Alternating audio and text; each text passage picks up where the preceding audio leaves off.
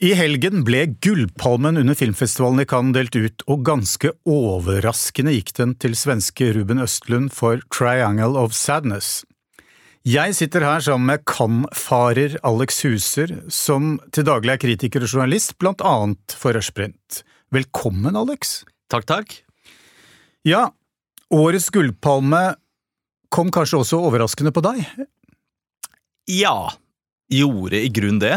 Ja. Samtidig som at jeg ikke helt så for meg Eller det var ikke så veldig mange opplagte vinnere, kanskje, men, men man kan si at de andre filmene som vant de gjeveste prisene, var mer på en måte favoritter, sånn som det var konsensus om, da. Og så er det ikke så ofte at en, altså filmskapet vinner Gullpalmen uh, i, i, to ganger i løpet av fem år. Jeg tror det bare er Darden-brødrene som har gjort det før, eller et eller annet. Ja. Ja, absolutt. Så det var jo litt sånn man kanskje tenkte at, eh, at Ruben Østlund hadde fått sitt eh, for, for denne gang, på en måte. Mm, mm. Men det er jo samtidig en Altså, jeg likte denne filmen veldig godt, da. Nå var den kanskje Altså, det var nok en del som ikke følte at den var helt på høyde med The Square. Ikke, ikke Østlunds beste, sier de som er store fans av Østlund, er, er min erfaring så langt. eh, Fordi denne gangen så har han gått litt sånn inn i den bredere komedien. Det er til og med slapstick i filmen. Ja, man kan kanskje si det, men eh, altså personlig så har jeg, hadde jeg litt å innvende mot The Square. Altså Jeg vil jo si at jeg er fan av Østlund, Ja. eh, men føler vel kanskje liksom at min favoritt fortsatt var eh, De ufrivillige, og kanskje hadde liksom litt å plukke på både Turist og, og The Square, selv om det var veldig gode filmer. da. Men jeg, jeg syns jo på en måte denne her er vel så god som dem. Men, men ja, på en måte går han bredere ut. Eh, men det er jo fortsatt en veldig sånn bitende satire. Og ja, det man kanskje kan si, da, for å gi et visst inntrykk av filmen, er jo at den Man trodde vel at han skulle lage en slags satire fra den internasjonale motebransjen og toppmodell, eh, supermodellmiljøet. Og, men det er det han tar utgangspunkt i. Men så blir det jo heller en film eh, som i stor grad utspiller seg på et cruiseskip, og hvor på en måte det dreier seg mer om økonomiske hierarkier på et mye bredere plan enn å bare handle om liksom moteverdenen, da. Ehm, sånn at det er jo en kanskje enda mer litt sånn tydelig politisk film enn han har gjort før. Eller definitivt en tydeligere politisk film enn han har gjort før. Ehm, og kanskje, ja, litt sånn bredere anlagt humor, men, men det er likevel en veldig sånn kompromissløs film i at den er så bitende satirisk og drar ting veldig, veldig langt, da. Men jeg syns kanskje at den humoren er nødvendig for, å, for at du skal kjøpe satiren, og kanskje er det litt det jeg slet litt med i i The Square, at man ikke kjøpte satiren helt fordi man begynner å snakke om troverdighet og sånn, mens her er ting på en måte dratt så langt over i oss og humor at jeg kjøper det i større grad, da. Fordi det er jo en På luksus-cruiseskipet eller yachten så, så sklir det jo praktisk talt ut i eh, farse og og slapstick-humor, eh, og, og nesten som i altså Monty Python på det mest eh, hva skal vi si hysteriske. Det, det hadde ikke jeg ventet av en Østlund-film, men jeg må si at jeg kjedet meg jo ikke et sekund. Eh, Det var jo, det var jo festlig, festlig å se. Eh, Men det er jo allikevel altså et visst altså grunnleggende alvor ved filmen allikevel, til tross for at det er en satire, en sosial satire. Ja, og jeg vil kanskje si snarere enn Monty Python, så er det kanskje mer i tråd med Etegilde, denne klassiske eh, filmen fra 70-tallet. Eh, med på en måte en sånn satirisk harselas med, med de rike og velstående og bortskjemte, på et vis. Men, men ja, altså, denne har jo Det er liksom borgerskapets ikke så veldig diskré sjarm. nettopp, nettopp. Men den har en eh, ja, klar politisk brodd, og, og på en måte, det jeg også på en måte beundrer den litt for, da, er at den går liksom virkelig sånn direkte inn i sånne økonomiske politiske teorier, som liksom kapitalismen versus eh, marxisme, for eksempel. Og det ser man ikke så mange filmer som gjør, da. Nei. Altså, på mange måter så ble jo festivalen en høydare for svenskene i år.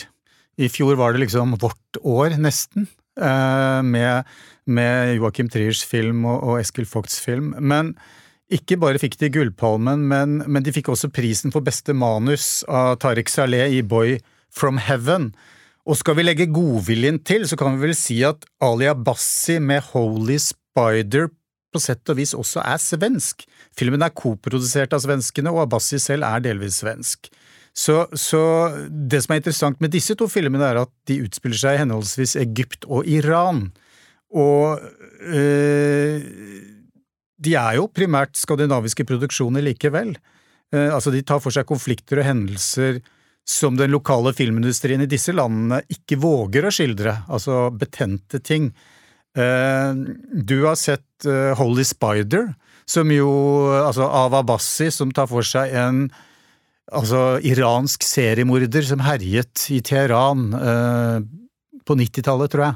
Jeg har også sett den, og hva, den fikk da prisen for beste skuespillerinne. Hva er ditt inntrykk av den filmen? Jo, eh, jeg syns absolutt det er en god film. Den er kanskje i utgangspunktet noe mer konvensjonell da, enn man kanskje så for seg fra Ali Abbasi. Altså, han lagde jo først Shelly med, med Ellen Dorrit Pettersen i hovedrollen, og som jo var en ganske sånn annerledes Eksperimentell horror, nesten. Ikke sant? Og så lagde han jo denne Grensen. Eh, som også definitivt var en eksperimentell horror, enda mm. på en måte særere. Så, men nå har han jo laget noe som i hvert fall på overflaten, da, er en slags krimfilm. Men det jeg på en måte Det som slo meg, da, er jo at slik han på en måte brukte horrorsjangeren på en litt sånn uventet måte i de to foregående filmene, så kan man kanskje si at han bruker Nordic noir-sjangeren på en uventet måte her. Og det er selvfølgelig altså sånn, Kanskje man ikke kan kalle det Nordic noir, fordi at den foregår jo i Iran, men, men nettopp fordi at han bruker da en sånn etablert sjanger, her krimsjangeren, til å egentlig si noe veldig politisk og, og, og, ta for seg på en måte forhold i det iranske samfunnet, da. Og det, er, altså det nordiske noirske er jo ser vi jo særlig gjennom den direkte skildringen av ting som iransk film sjelden kommer til overflaten, eller som man sjelden våger å skildre direkte, og det er jo skildringer av sex, vold, en del rekke andre på en måte sosiale problemer som, som, man ofte ikke ser i iransk film, i hvert fall. Det er absolutt, og dette her handler jo om seriemorder som dreper prostituerte. og det er jo noe med på en måte... I, Guds, I, Guds, navn. Ja, ja. Mm. ikke sant? Det, og det er jo da noe med eh, Og dette skal være basert på virkelige opplevelser, ja. eller hendelser, mener jeg. og, og det er jo noe med den skildringen av hvordan samfunnet reagerer på dette, som også jeg opplever som nærmest et satirisk element òg, så sånn sett så kan man liksom trekke en slags parallell til Østlund, kanskje. Men jeg syns jo også det er interessant hvordan han også bruker sjangerkonvensjoner, da, for eksempel hvordan denne kvinnelige hovedkarakteren litt sånn i tråd med krimsjangeren og Nordic Noir. Hun har jo liksom noen, en historie fra fortiden som er litt sånn til hinder for hvor, hvordan hun blir tatt på alvor. Eh, er, hun er jo journalist her da, og, og, på en måte får ikke helt innpass fordi på en måte det er noe som sverter henne øh, fra fortiden. Eh, som er litt sånn klassisk sjangergrep, men som her også får en sånn er på en måte politisk ladet. da. Så det er veldig mye av liksom sjangerelementene som brukes til en litt sånn mer politisk eh, diskusjon om samfunnsforhold. da. Mm.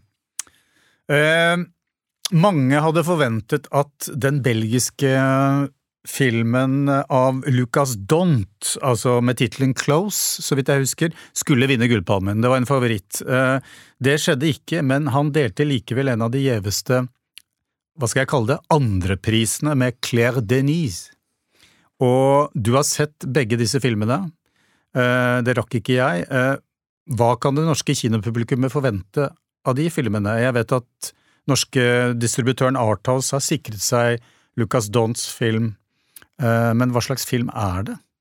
Jo, altså Lucas Dont debuterte jo med Girl, eh, som handlet om på en måte en eh, eh, tenåring som identifiserte seg som jente, var født som gutt og, og, og ventet på en kjønnsskifteoperasjon. Og det var jo en veldig sånn bejublet film, samtidig som den også til dels var Eh, kontroversiell. Eh, ikke minst pga. valget da en cis-mannlig skuespiller i hovedrollen. Men, eh, men altså sånn, man kan uansett ikke på en måte benekte at det er dyktig regihåndverk i den filmen, og det kan man også si om den nye filmen, som på en måte bærer Lucas Donts regimessige preg, men som er en litt annen type historie. Han har dog holdt seg til unge karakterer. Denne gangen så skildrer han et veldig nært vennskap mellom to 13 år gamle gutter Fordi, Eh, fordi det har jeg i hvert fall lest, at han, han har vært opptatt av den, altså vennskap, intime vennskap mellom gutter, som, som ikke handler om uh, noe seksuelt, men altså nærhet, det er mangelvare også på film. Altså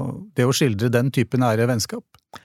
Men samtidig så var det faktisk en slags trend, kan man si, her på Cannes-festivalen. Altså, Aha. vi har jo også The Eight Mountains av Felix von Grøningen, som også da vant eh, Delte pris med EO eh, i en annen kategori, som vi kan komme Vi kan til komme tilbake til IO. Ja. Ikke sant? Men, men eh, også en belgisk film, faktisk. eh, Eller belgisk regissør, Felix van Grønningen, som er laget av sammen med Charlotte van der Merch, The Eight Mountains, som også er en skildring av vennskap mellom to først gutter, og så også ser du dem i voksen alder. Mm. Og i tillegg var jo dette tema i amerikanske James Grace Armageddon Time. Så, så det var virkelig et sånn påfallende tema, da. Dette med vennskap mellom gutter, da. Eh, Men ja, Lucas Dont eh, sin film er veldig, veldig god. eh, og ja, var jo da ikke overraskende Eller det var jo absolutt en favoritt til én av prisene, og det, det den, den fortjente definitivt en utmerkelse på festivalen, det vil jeg si. Mm. Uh, mer overraskende syns jeg det var at Claire Denis fikk en pris for Stars at Noon. Uh, Claire Denis er jo selvfølgelig en veldig etablert og anerkjent filmskaper, men personlig så syns jeg at Stars at Noon, som er et slags sånn erotisk drama om også i, med veldig politisk bakteppe fra, fra konflikten i Nicaragua. Eh, personlig syns jeg det var en veldig stor skuffelse, og jeg var virkelig ikke alene om å, om å synes det. da, At det var noe litt sånn ufrivillig corny og, og egentlig stivt over en film som egentlig skulle være litt sånn flytende og jazzy. da, Eh, Og den har en stemning som er akkurat det. Men, eh, men som hadde- likevel mye, mye man kan stille spørsmålstegn Ja, jeg hadde tenkt å spørre deg nå, altså i en alder av 76, så er Claire Denis kanskje bedre enn noensinne, også fordi hun fikk eh, regiprisen under Berlinalen for en annen film tidligere i år. Men, eh, men altså ja, Du var ikke Den var, den var ikke helt uh, på høyden, eh, tydeligvis, da, slik du opplever det. Men uh, en annen som holder koken i godt voksen alder, er jo polske Jerry Skolimowski, som da hadde regien på, har regien på den nevnte EO. Uh, altså Han er 84 år og ga oss kanskje hovedkonkurransens mest originale film. Altså Han skildrer eh, rett og slett et esels skjebne, utakknemlig skjebne her i verden, eh, men med ganske originale fortellergrep. Ja, definitivt. Altså, Jersey Skolimowski ja, han, er jo, han har jo holdt på lenge. Uh, han lagde jo eksempel denne filmen som heter Moonlighting med, fra 1982, vel, hvor Jeremy Irons spiller en polsk fremmedarbeider i London. Um, han må jo absolutt kalles en veteran. Um, og altså, EO var virkelig en sånn film som var noe fullstendig utenom det ordinære da, i hovedkonkurransen, og som jeg personlig syns alltid er veldig sånn gøy. Eh, noe som ikke er på det jevne, og noe som virkelig overrasker deg. da. Samtidig var det en polariserende film. Eh, det var den dømt til å være, fordi at den er så rar, da. Men ikke polariserende på noen sånn negativ måte, eh, egentlig, da. Den er jo ikke, den er jo ikke kontroversiell. Den er jo den er egentlig veldig søt, er den ikke det? Altså, det, det eselet er jo verdens søteste esel. Hvordan kan noen nære vonde følelser overfor det? Det skjønner jeg ikke. Altså, Nei, jeg snakket med folk som gikk fra visningen også. Det er jo fordi altså, Utgangspunktet her er jo ja, en historie om et esel som eh, jobber på et sirkus, men som ikke får lov til det lenger pga. nye regler om, om bruk av dyr i, på sirkus. Eh, og så er det liksom historien om hans reise rundt i ulike miljøer eh, blant ulike mennesker og for så vidt også andre dyr. Eh, men det er jo da altså det er jo alt annet enn en sånn Disney-aktig skildring av et dyr. Eh, det er en veldig det er en overraskende surrealistisk og trippy film. Ja. Litt sånn hallusinatoriske sekvenser, men samtidig så bruker den litt det samme grepet som man kunne se i Gunda. eh, At, at man på en måte bygger opp en sånn følelse hos publikum av medopplevelse med hovedkarakteren som er et dyr, da. Mm. Men, men samtidig også da ut i det helt sånn eh, hallusinatoriske i mange sekvenser. Men, men det er jo, ja, Så det er veldig kompromissløst, og samtidig har det også denne filmen en veldig klar politisk brodd. Det er ingen tvil om at dette er en film som på en måte prøver å formidle eh, et budskap om hvordan vi behandler våre medskapninger her på kloden. En filmskaper som har uh, rundet 80, eller runder 80 hvert øyeblikk, er jo uh, David Cronenberg. Uh, nå er det er det 25 år siden jeg så Crash i Cannes, og ble sjokkert. uansett, i Crimes of the Future så er han tilbake i det samme universet, egentlig. Altså et slags dystopisk univers hvor menneskelig seksualitet kobles til maskiner. Uh, og den delte vel også ganske mange kan. Uh, jeg syns jo den var det mest kronbergske jeg har sett på lenge, kanskje siden Crash. Uh, hva var ditt inntrykk av den filmen? Jo, jeg er helt enig i at det er det mest kronbergske han har laget siden Crash. Uh, uten at han derved Altså, han har likevel laget veldig, veldig gode filmer siden Crash, men denne her er jo mer tilbake til en slags body horror. Mm. Så er det også naturlig å trekke en parallell til uh, Videodrome. Uh, men, men, ja, definitivt Crash også, med dette her litt sånn seksuelle aspektet ved uh, kunstige elementer i kroppen også. Dette er en slags sånn ja. fetisjering av Eller fetisjisering, heter det vel, av av uh, operasjoner. Uh, Her er det Sex og kirurgi har vel sjelden blitt koblet på en lignende måte i noen film, så vidt jeg vet. Nettopp.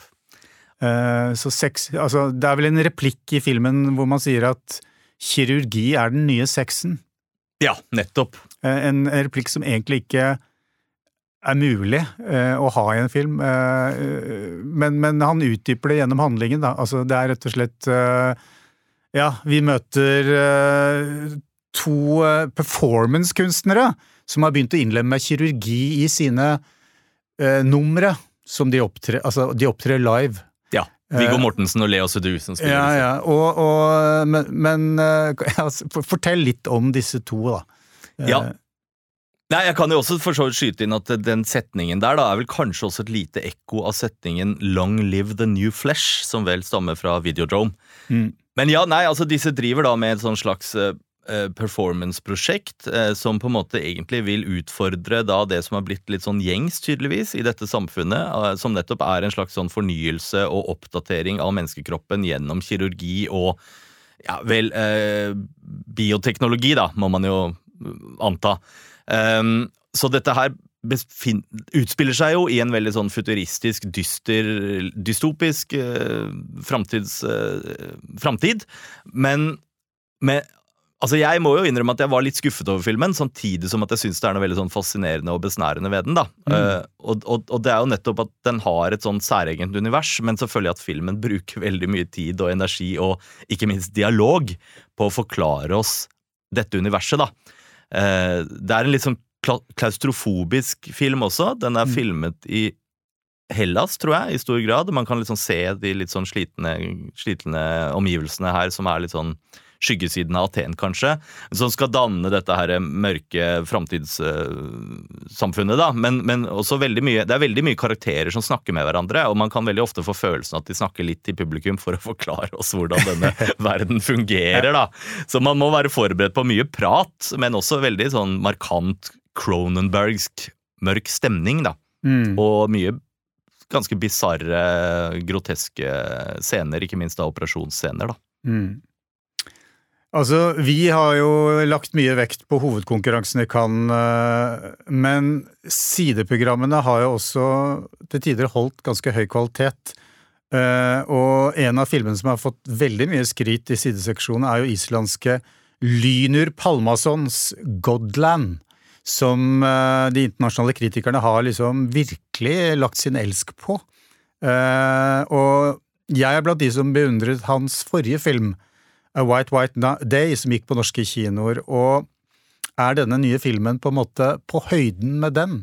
Jeg, jeg fikk jo ikke sett Godland, men du har sett den. Det har jeg. Vanskapte land, som den vel da heter både på islandsk og dansk i, her i norsk oversettelse. Ja. Men ja, jeg var av dem som virkelig beundret hans første film, da, 'Vinterbrødre'. Ja, nettopp. Denne. For så vidt også likte 'En hvit, hvit dag'. Den her kanskje noe er kanskje noe nærm... Altså noen elementer som kanskje minner mer om Vinterbrødre, kan man si. Men det er, altså det er en fascinerende film. ganske langsom, man kan kanskje også si slow cinema. Den utspiller seg på 1800-tallet, slutten av 1800-tallet, tror jeg. En dansk prest som reiser til Island.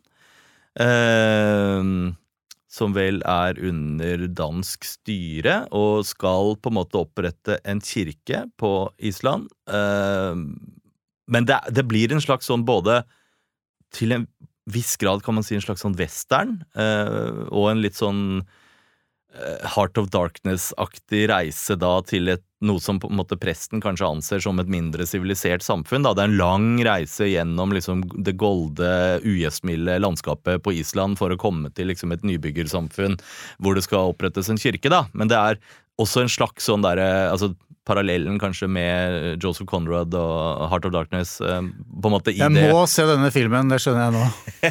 Ja. altså En utforskning av på en måte hvem er den mest siviliserte her, på en måte. Kan man si. Men uh, det, er, det, er, en veldig krevende film. Den er veldig langsom og dvelende. Uh, statisk. Men, uh, men, absolutt fascinerende. Definitivt. Mm. vi var inne på bodyhorror flere ganger her, og i forbindelse med Kronenberg så er jo liksom bodyhorror the name of the game. Men en som virkelig tilførte noe nytt til body horror-sjangeren i Cannes, var jo norske Kristoffer Borgli med Syk pike. som vi jo selvfølgelig må omtale. Eh, han deltok i sideprogrammet Uncertain Regard. Eh, han fikk ikke pris, men han fikk eh, i hovedsak god mottagelse. Gode kritikker. Og den er jo blitt omtalt og anmeldt også av norsk presse. Og, så vi behøver ikke være redd for å kanskje gå litt mer i detalj. Men, men den er jo en krysning mellom, hva skal, hva skal vi si, Larry Davids kleine situasjonskomedie og bodyhorror-sjangeren. Altså det er Her er det innslag av altså, sykelig narsissisme, altså selvskading og selvmedisinering som på en måte hovedpersonen øh, holder på med. Uh, så det er noe Altså ingredienser vi sjelden opplever, i hvert fall i en norsk film. Uh, kan vi si at uh, Borgli bryter litt ny grunn her? Ja, I en norsk kontekst? Ja. fordi man, altså man, kan jo trekke paralleller til kanskje Todd Solland, som vel hadde sin storhetstid på sent 90-, tidlig 2000-tall, altså amerikanske independent-filmskaper, men også så kan man igjen trekke en parallell til den satiren man så, ser Ruben Østlund holde på med, da. Ikke sant? Men, mm. men ja, det er eh, sjelden man ser noe sånt på norsk. Og jeg er samtidig også veldig nysgjerrig på hvordan den blir tatt imot av et norsk publikum. Det er en film som jeg tenker at man kanskje kan lese litt annerledes fra utlandet enn her hjemme.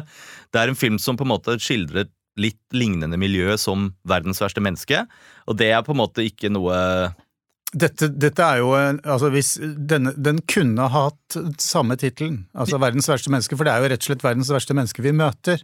Ikke sant. Ja. Og det, altså det, er definitivt en usympatisk hovedkarakter, ja. og det borgerlig gjør ikke så veldig mye for at vi på en måte skal like henne, da. Vi skal akseptere henne som en ganske usympatisk karakter med et ganske drøyt prosjekt, da.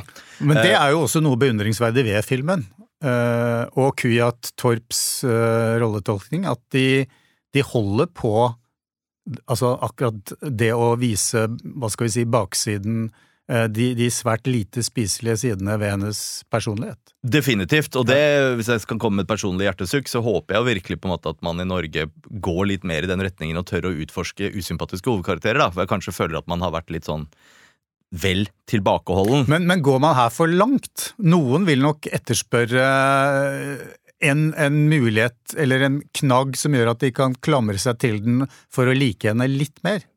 Det er mulig. Ja. Den, altså, den, går langt i mange retninger, men den, også, den, går også langt inn i litt sånn fantasisekvenser, som kanskje noen vil like. Altså, noen kritikere av det internasjonale har trukket fram det som positivt, men det kan også gjøre at liksom, noen har pekt på at filmen kanskje også er litt ujevn.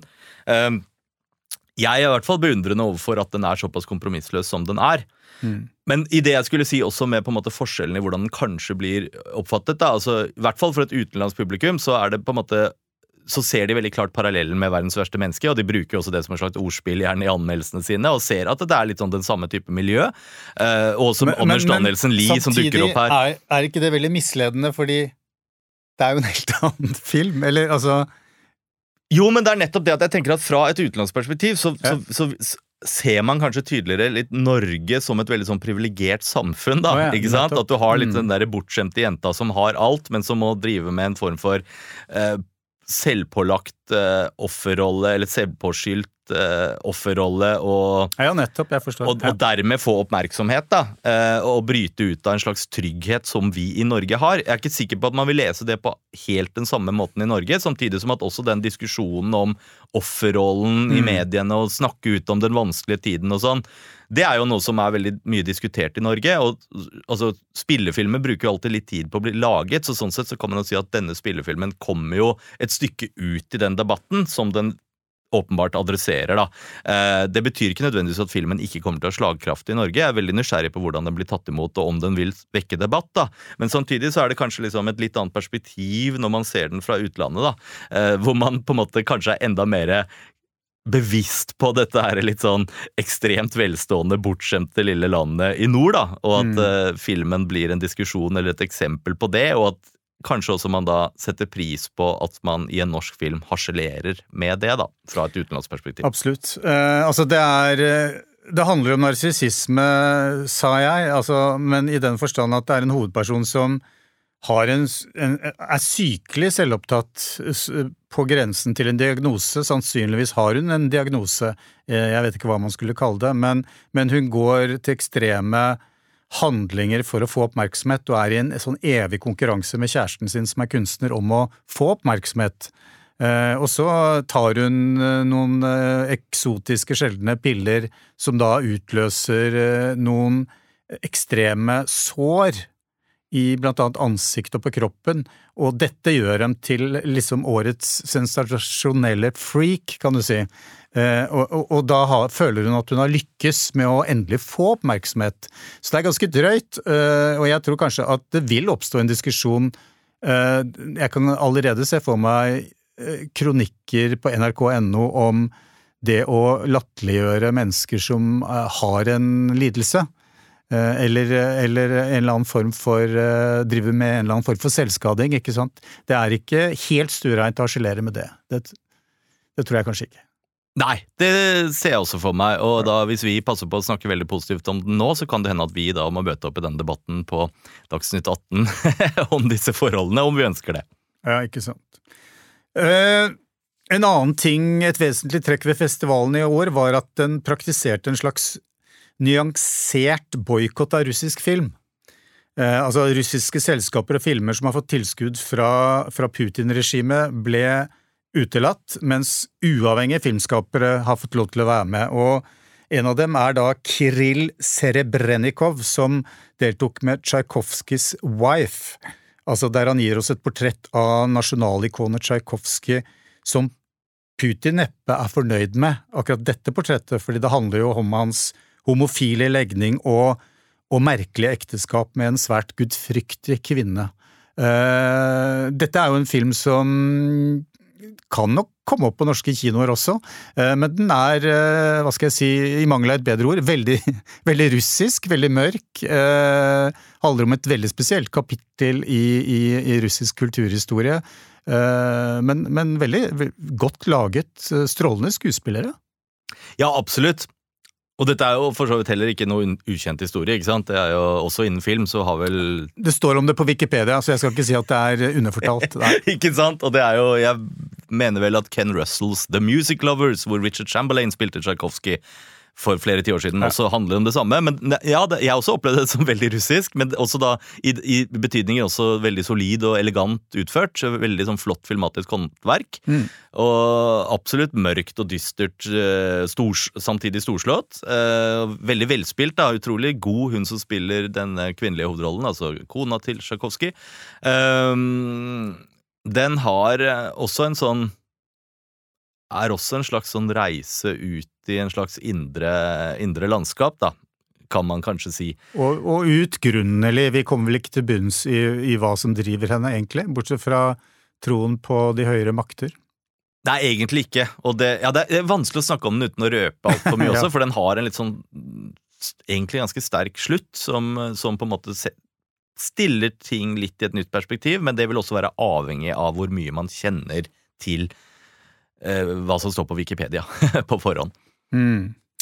Eh, vi har sett noen filmer utenfor konkurranse, eh, og man skal ikke bare følge hovedkonkurransen i Cannes, fordi vi kan vel si at i år så har den vært ganske sånn Altså, det vil ikke Årets hovedkonkurranse vil ikke framstå i ettertiden som eh, et gyllent år, kan vi vel trygt fastslå.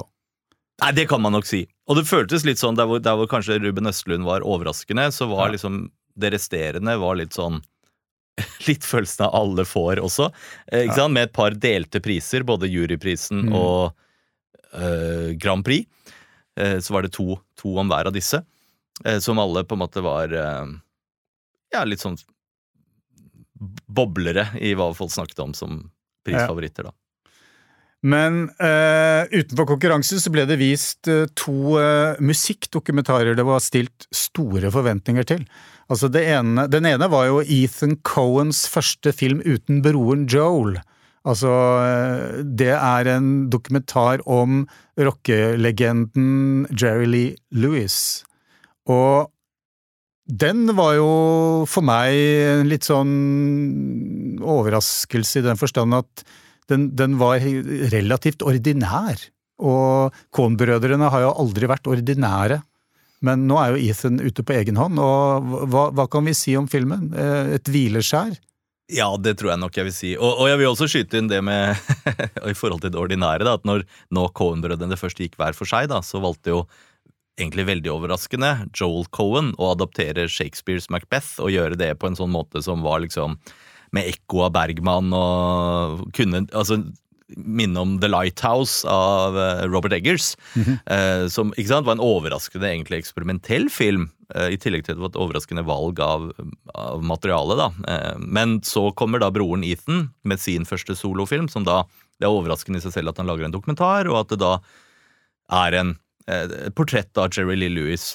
Det han gjør her, er jo at han baserer seg utelukkende på arkivmateriale. Eh, Jerry Lee Lewis lever vel fortsatt, han er 86 eller noe sånt, men, han, men Cohen har ikke gjort noen nye intervjuer med ham. Men han lar samtidig da Jerry Lee Lewis selv fortelle om sitt liv, men da i, med utgangspunkt i ulike intervjuer. Uh, stort sett TV-intervjuer som er gjort da opp gjennom hele karrieren. Og det er jo en lang karriere. ikke sant? Han var jo da en rockeartist, eh, banebrytende rockeartist på 50-tallet, men så slo han også over til countrysjangeren, som han er mindre kjent for, men også fikk et publikum uh, for da, på 60- og 70-tallet. Og har jo holdt på i veldig mange tiår. Um, Og, det som er litt oppsiktsvekkende med dokumentaren, er jo at uh, altså det som førte til uh, at karrieren til Jerry Lee Lewis uh, ble satt på vent, og han måtte på en måte fornye seg og gikk etter hvert over til country, var jo at han giftet seg med en 13 år gammel kvinne på et tidspunkt. Eller hun fylte 13 dagen etter bryllupet, så vidt Og- jeg forsto. Ja, og var Og det- kusinen og- hans. Og det, det er bare noe som konstateres, men eh, på en måte ikke utdypes. Og, og det er jo spesielt, vil jeg påstå, da. Det vil jeg også påstå. og også at han på et eller annet tidspunkt ved et uhell eh, skjøt og nesten drepte sin egen bassist. Ja. Så det er sånne ting som bare nevnes litt sånn kjapt, og som virkelig føles som et savn.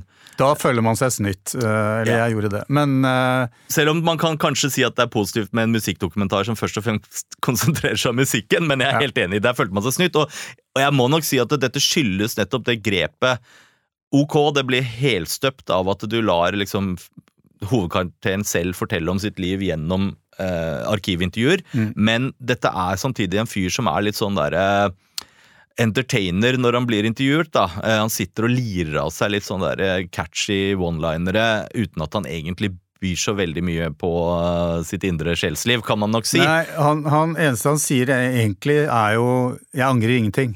Ja. Det er sånn gjenganger. Ja, ja. Og han kan slenge ut en og annen brannfakkel Ja. om andre musikalske ja. artister og Edith sånn. Piaf men- sa jo det mye bedre i sin sang, syns jeg. Men, eh, men, men det er nå så. Men, men en annen dokumentar, musikkdokumentar, eh, som fikk stor oppmerksomhet, enda større oppmerksomhet i Cannes, var jo Brett Morgans eh, Moon Age Daydream, da, om, om David Bowie. Og hans musikk. Og, og for mange så var det en stor musikalsk opplevelse. Eh, tilfører den noe nytt til historien om Bowie? Det vet jeg ikke om jeg vil si, Nei. men jeg vil si at det er en strålende film som på en måte gir en sånn helhetlig opplevelse av David Bowie som kunstner, på en måte. Musikken Mm. hans og alt David Bowie sto for. Um, og det syns jeg ja, virkelig er gjort helt sånn strålende. Altså, Brett Morgan er jo amerikansk uh, dokumentarfilmskaper som har laget mange kjente filmer, blant annet en, uh, The Kid Stays In The Picture om uh, produsenten Robert Evans, men han har også laget musikkdokumentarer, sånn som da den Kurt Cobain-filmen 'Montage of Heck', og Mm. han har laget en Rolling Stones-dokumentar som heter 'Crossfire Hurricane'. Og, og han har alltid benyttet seg veldig mye av arkivmateriale, og han har også en sånn slags innfallsvinkel hvor han gjerne forsøker å la da de personene som portretteres selv, altså med egne ord, gjerne gjennom arkivintervjuer, få fortelle sin egen historie. da. Og det er det han gjør her, at du har masse masse intervjuer med David Bowie opp gjennom perioden, som enten på en måte man ser, men ofte også bare fungerer som voiceover. Mm. Men så bruker han altså enorm mengde arkivmateriale. Han har da som første filmskaper fått tilgang til eh, enormt materiale gjennom dette her, The Bowie, eh, eller Bowies Estate, da, de Ja. som sitter på rettighetene til alt materialet hans. og så her er det masse ting vi ikke har sett før. men Det er også bruk av, bruk av konsertfilmer, som man har, sånn som D.A. Pennebakers Siggy Stardust-film, som, som man har sett før. Det kan godt hende at det er brukt, dette materialet er brukt på en litt annen måte her, pga. på grunn av tilgang til originalmaterialet, men det er da satt sammen på en sånn måte hvor du virkelig Du føler at du kommer litt, kanskje litt inn i hodet på David Bowie, eller i hvert fall det at eh, fokuset er veldig på David Bowies tanker om sin, sitt eget kunstnerskap. Da. Det handler Mm. veldig mye om intensjoner, kunstnerisk prosess, tilnærming. Så det er veldig sånn et kunstnerportrett. Samtidig som at den er også veldig leken og fri visuelt sett. Den bruker klipp fra masse ulike filmer, ikke bare de filmene Bowie spilte i, men sant, gamle stumfilmer og uh, Kubrick-filmer og veldig mye annet. uh, Og setter dette sammen til liksom nesten en slags musikkvideo i lange perioder. Konsertopplevelser som liksom virkelig drar deg med da når du sitter i kinosalen, og også da hele tiden Bowies refleksjoner rundt sitt eget arbeid. Så en film som tar Bowie veldig på alvor som kunstner, også da opp mot at han drev og malte og andre kunstarter han var opptatt av, og samtidig som den da bruker liksom lyd og bilde, eh, sound and vision som det heter en Bowie-sang, eh, til å liksom skape en sånn derre eh, altoppslukende, meddrivende opplevelse av David Bowies musikk, da. Mm. Eh, årets Hva skal vi si eh, Årgangen i Cannes i år skulle på en måte være festivalens comeback. Etter at det ble avlyst for to år siden, og i fjor da hadde en, en redusert utgave. Og det var store forventninger i den internasjonale filmindustrien, for Cannes er den viktigste festivalen, og det har et marked som, som omsetter for milliarder. Eh, Men altså, ble denne festivalen da den restarten filmindustrien da håper på? Det er vel vanskelig å si før man på en måte ser resultatene av hvilke avtaler som er blitt inngått eh, osv. Men, men jeg opplevde Hva, følelse. hva var følelsen, på en måte? Fordi det var kanskje litt sånn urealistiske forventninger mange hadde til festivalen, at nå, nå er filmindustrien tilbake, nå, nå viser vi Top Gun her, altså nå, nå er det som før, Tom Cruise kommer. Uh, men eh, det er jo Kinopublikummet er jo på en måte vegrer seg fortsatt. Det viser jo besøkstall på kino. Uh, skal, vil dette bidra til å få de tilbake? Jeg syns det er veldig vanskelig å svare på. Jeg, jeg opplevde vel at det var en markant sånn følelse av optimisme i lufta i Cannes. Mm. Eh, og folk, men det handler også om at folk rett og slett på egne vegne er litt sånn glade for å være tilbake. Vi var jo også i Cannes i fjor, og da var det jo veldig mange færre folk der. Eh, fortsatt nok til at det føltes ganske travelt, men, men noe helt annet i år, ikke sant. Og, Mm. og at eh, ja, folk, folk har en Man var kanskje veldig glad for å ha fysiske møter igjen. Ikke sant? Så det er en Ja, slags sånn positivitet som bare kommer av det i utgangspunktet. da, Men så får man jo se da, hvilken betydning har det at man har Altså kan ha den dobbeltheten at det er en feiring av kunstnerisk film samtidig som de trenger noe stjernestøv og, Mm. og glamour. da, ikke sant? De hadde Tom Cruise, og de har jo da også Bass Lermans Elvis-film hadde premiere der, og George Miller med sin nye film eh, 3000 Years of Longing. Så de hadde jo noen sånne store spesialpremierer på Hollywood-filmer. Um, samtidig som at det selvfølgelig også er eh, de fremste på en måte Arthouse-filmskaperne som deltar i konkurransen, da. Som sant, når sant skal sies, uh, mange av disse filmene kom jo aldri på norske kinoer også. Uh, og det har jo skjedd tidligere at gullpalmevinnere kom og forsvant, uten at man hørte noe mer om, uh, om filmen og regissøren i noe særlig grad i Norge. Men det er som du sier, da, denne schizofrenien mellom Eller det er jeg som velger å kalle det schizofrent, men altså mellom, mellom Hollywood stjernestø på ene siden og og Arthouse kunstfilm på den andre. Og så prøver jo festivalen å balansere disse to hensynene, og det er vel den eneste festivalen som på en måte eh, med pondus har fått til denne balansegangen, kan man vel si. Og det er jo derfor den er viktig. Altså uten det ene så hadde på en måte eh, det andre ikke kommet så eh, sterkt frem. I hvert fall så hadde ikke, hva skal vi si, det at smale filmer kan få lov til å, sprade på den røde løperen eh, foran eh, hundrevis av paparazzoer, eh, det er jo ganske unikt. Absolutt, og jeg tror, ja, jeg tror, definitivt at festivalen trenger begge deler. da. Ja. Eh, og at de store stjernene er med på også å trekke de mindre filmene opp i rampelyset.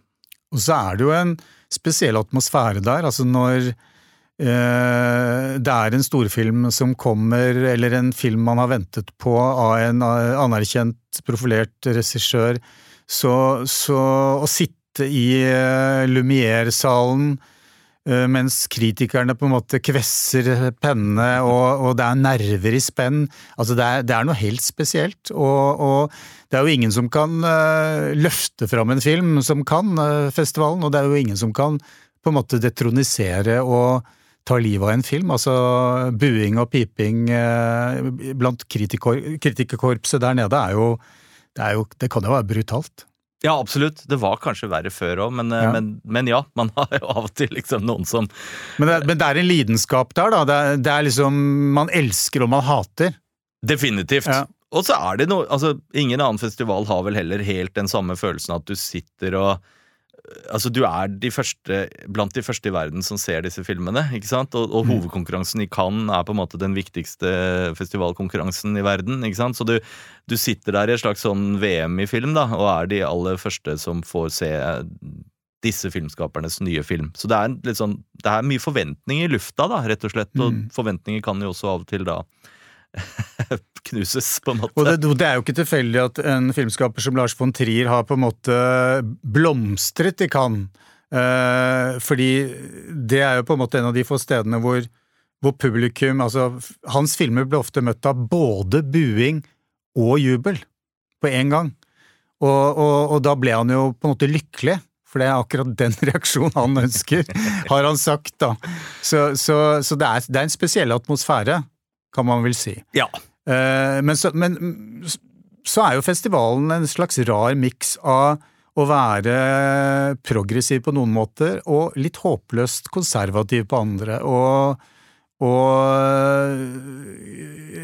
kvinnelig representasjon eh, i hovedkonkurransen for eksempel er et gjentagende problem. Eh, altså det er få kvinner, og det er vanskelig å egentlig forstå Eh, hvorfor ikke de er greid å få med flere kvinnelige regissører i hovedkonkurransen. Eh, altså Hvert eneste år så er det, er det liksom 15-20 eh, kvinnelig representasjon. Og jeg, jeg, hva, hva, kan det skyldes? Det er et ja, godt spørsmål. Det var jo ikke noe bedre i år om, om, det var fire filmer med kvinnelig, hoved, med kvinnelig ja. regissør av 21. Nå var jo også en, denne her Felix von Grøningen og Charlotte von der Merch har jo da på en måte både, både mannlig og kvinnelig regissør. Men, det, så, men samtidig sant, så ser man over i sideprogrammene, særlig da en Certain Regard. Eh, jeg, like, jeg tror, tror, det gjelder de andre også, så er det mye bedre kvinnelig representasjon. sånn at Det er jo da en merkelig sånn dobbelthet der. Altså, ja. hvis man bare, altså, Certain Regard er et viktig sideprogram. Der får de det til. Hovedprogrammet gjør det det ikke. Det er mer siderumpa. Da er jo en Certain Regard et program hvor man på en måte viser mer up and coming og nyskapende, litt sånn eh, modigere filmer, kanskje. Eh, mm. Men i hvert fall på en måte mer nye stemmer, da. Og da er det kanskje lettere å få inn kvinner der, fordi at man også kan jo si om hovedprogrammet at eh, av og til kaller man det jo klippekort for noen regissørers mm. vedkommende. ikke sant? Det fins en del travere som når de kommer med en ny film, så har de veldig god sjanse for å komme med i hovedkonkurransen med den filmen. Og det er jo da kanskje veldig mange menn, da. Eh, og, og kanskje det i seg selv gjør at det er vanskeligere å presse seg inn, men, men det er nok en ja, det er noe grunnleggende litt konservativt med hvordan de programmerer hovedkonkurransen i Cannes. Mm. Og samtidig så er det jeg vil ikke si at eh, akkurat dette aspektet ved det konservative eh, synet på filmen er sjarmerende, men de har noen sånne dyder som, som er litt sånn småsjarmerende. Det at man, man, skal Det er kleskodeks altså når du skal inn under premiere, og det er, det er stor Det er en slags høytidelighet rundt filmene som du ikke finner noen andre steder. Altså hvor de, hvor de på en måte løfter fram filmen som, som en sublim kunstform, og, og, de gjør det på et veldig franskt vis. Og alle som har med filmer der, blir jo uh, ofte helt målløse over, over all glansen og all beundringen og applausen. Og selvfølgelig også under kritikervisningen eventuelt buing og, og, og litt mer fiendtlige holdninger. Men, men, men, men, det er en slags eh, Altså, de spinner en slags eleganse rundt hele, hele, hele festivalen som, som ja, vi kan vel si er veldig fransk. ja, absolutt. Og det har jo selvfølgelig også blitt kritisert nylig. For noen år siden ikke sant, så var det en slags sånn skandale med dette her at kvinner måtte ha høye hæler på den røde løperen og sånn. Men, men, ja, man kan også se noe litt sånn positivt ved at de nettopp har litt pomp og prakt. da, Fordi at det mm. handler om å ta fil filmen alvorlig som kunstart, og, og også ja. på en måte eh, ha et litt sånn glamorøst eh, glamorøs presentasjon av også på en måte sære kunstfilmer. ikke sant? Igjen denne slags sånn de to hestene kan rir, kanskje. Mm. Men eh, ja, og jeg blir jo på en måte også imponert over festivalsjef eh, Thierry Fremaux, hvor mange filmer han introduserer personlig, for eksempel. ikke sant? Så de, de, gjør jo veldig mye for å løfte fram disse filmene for oss som sitter i salene, og liksom den helhetlige opplevelsen av at, uh, av at dette er viktig. på en måte. Disse filmene er viktige. Mm.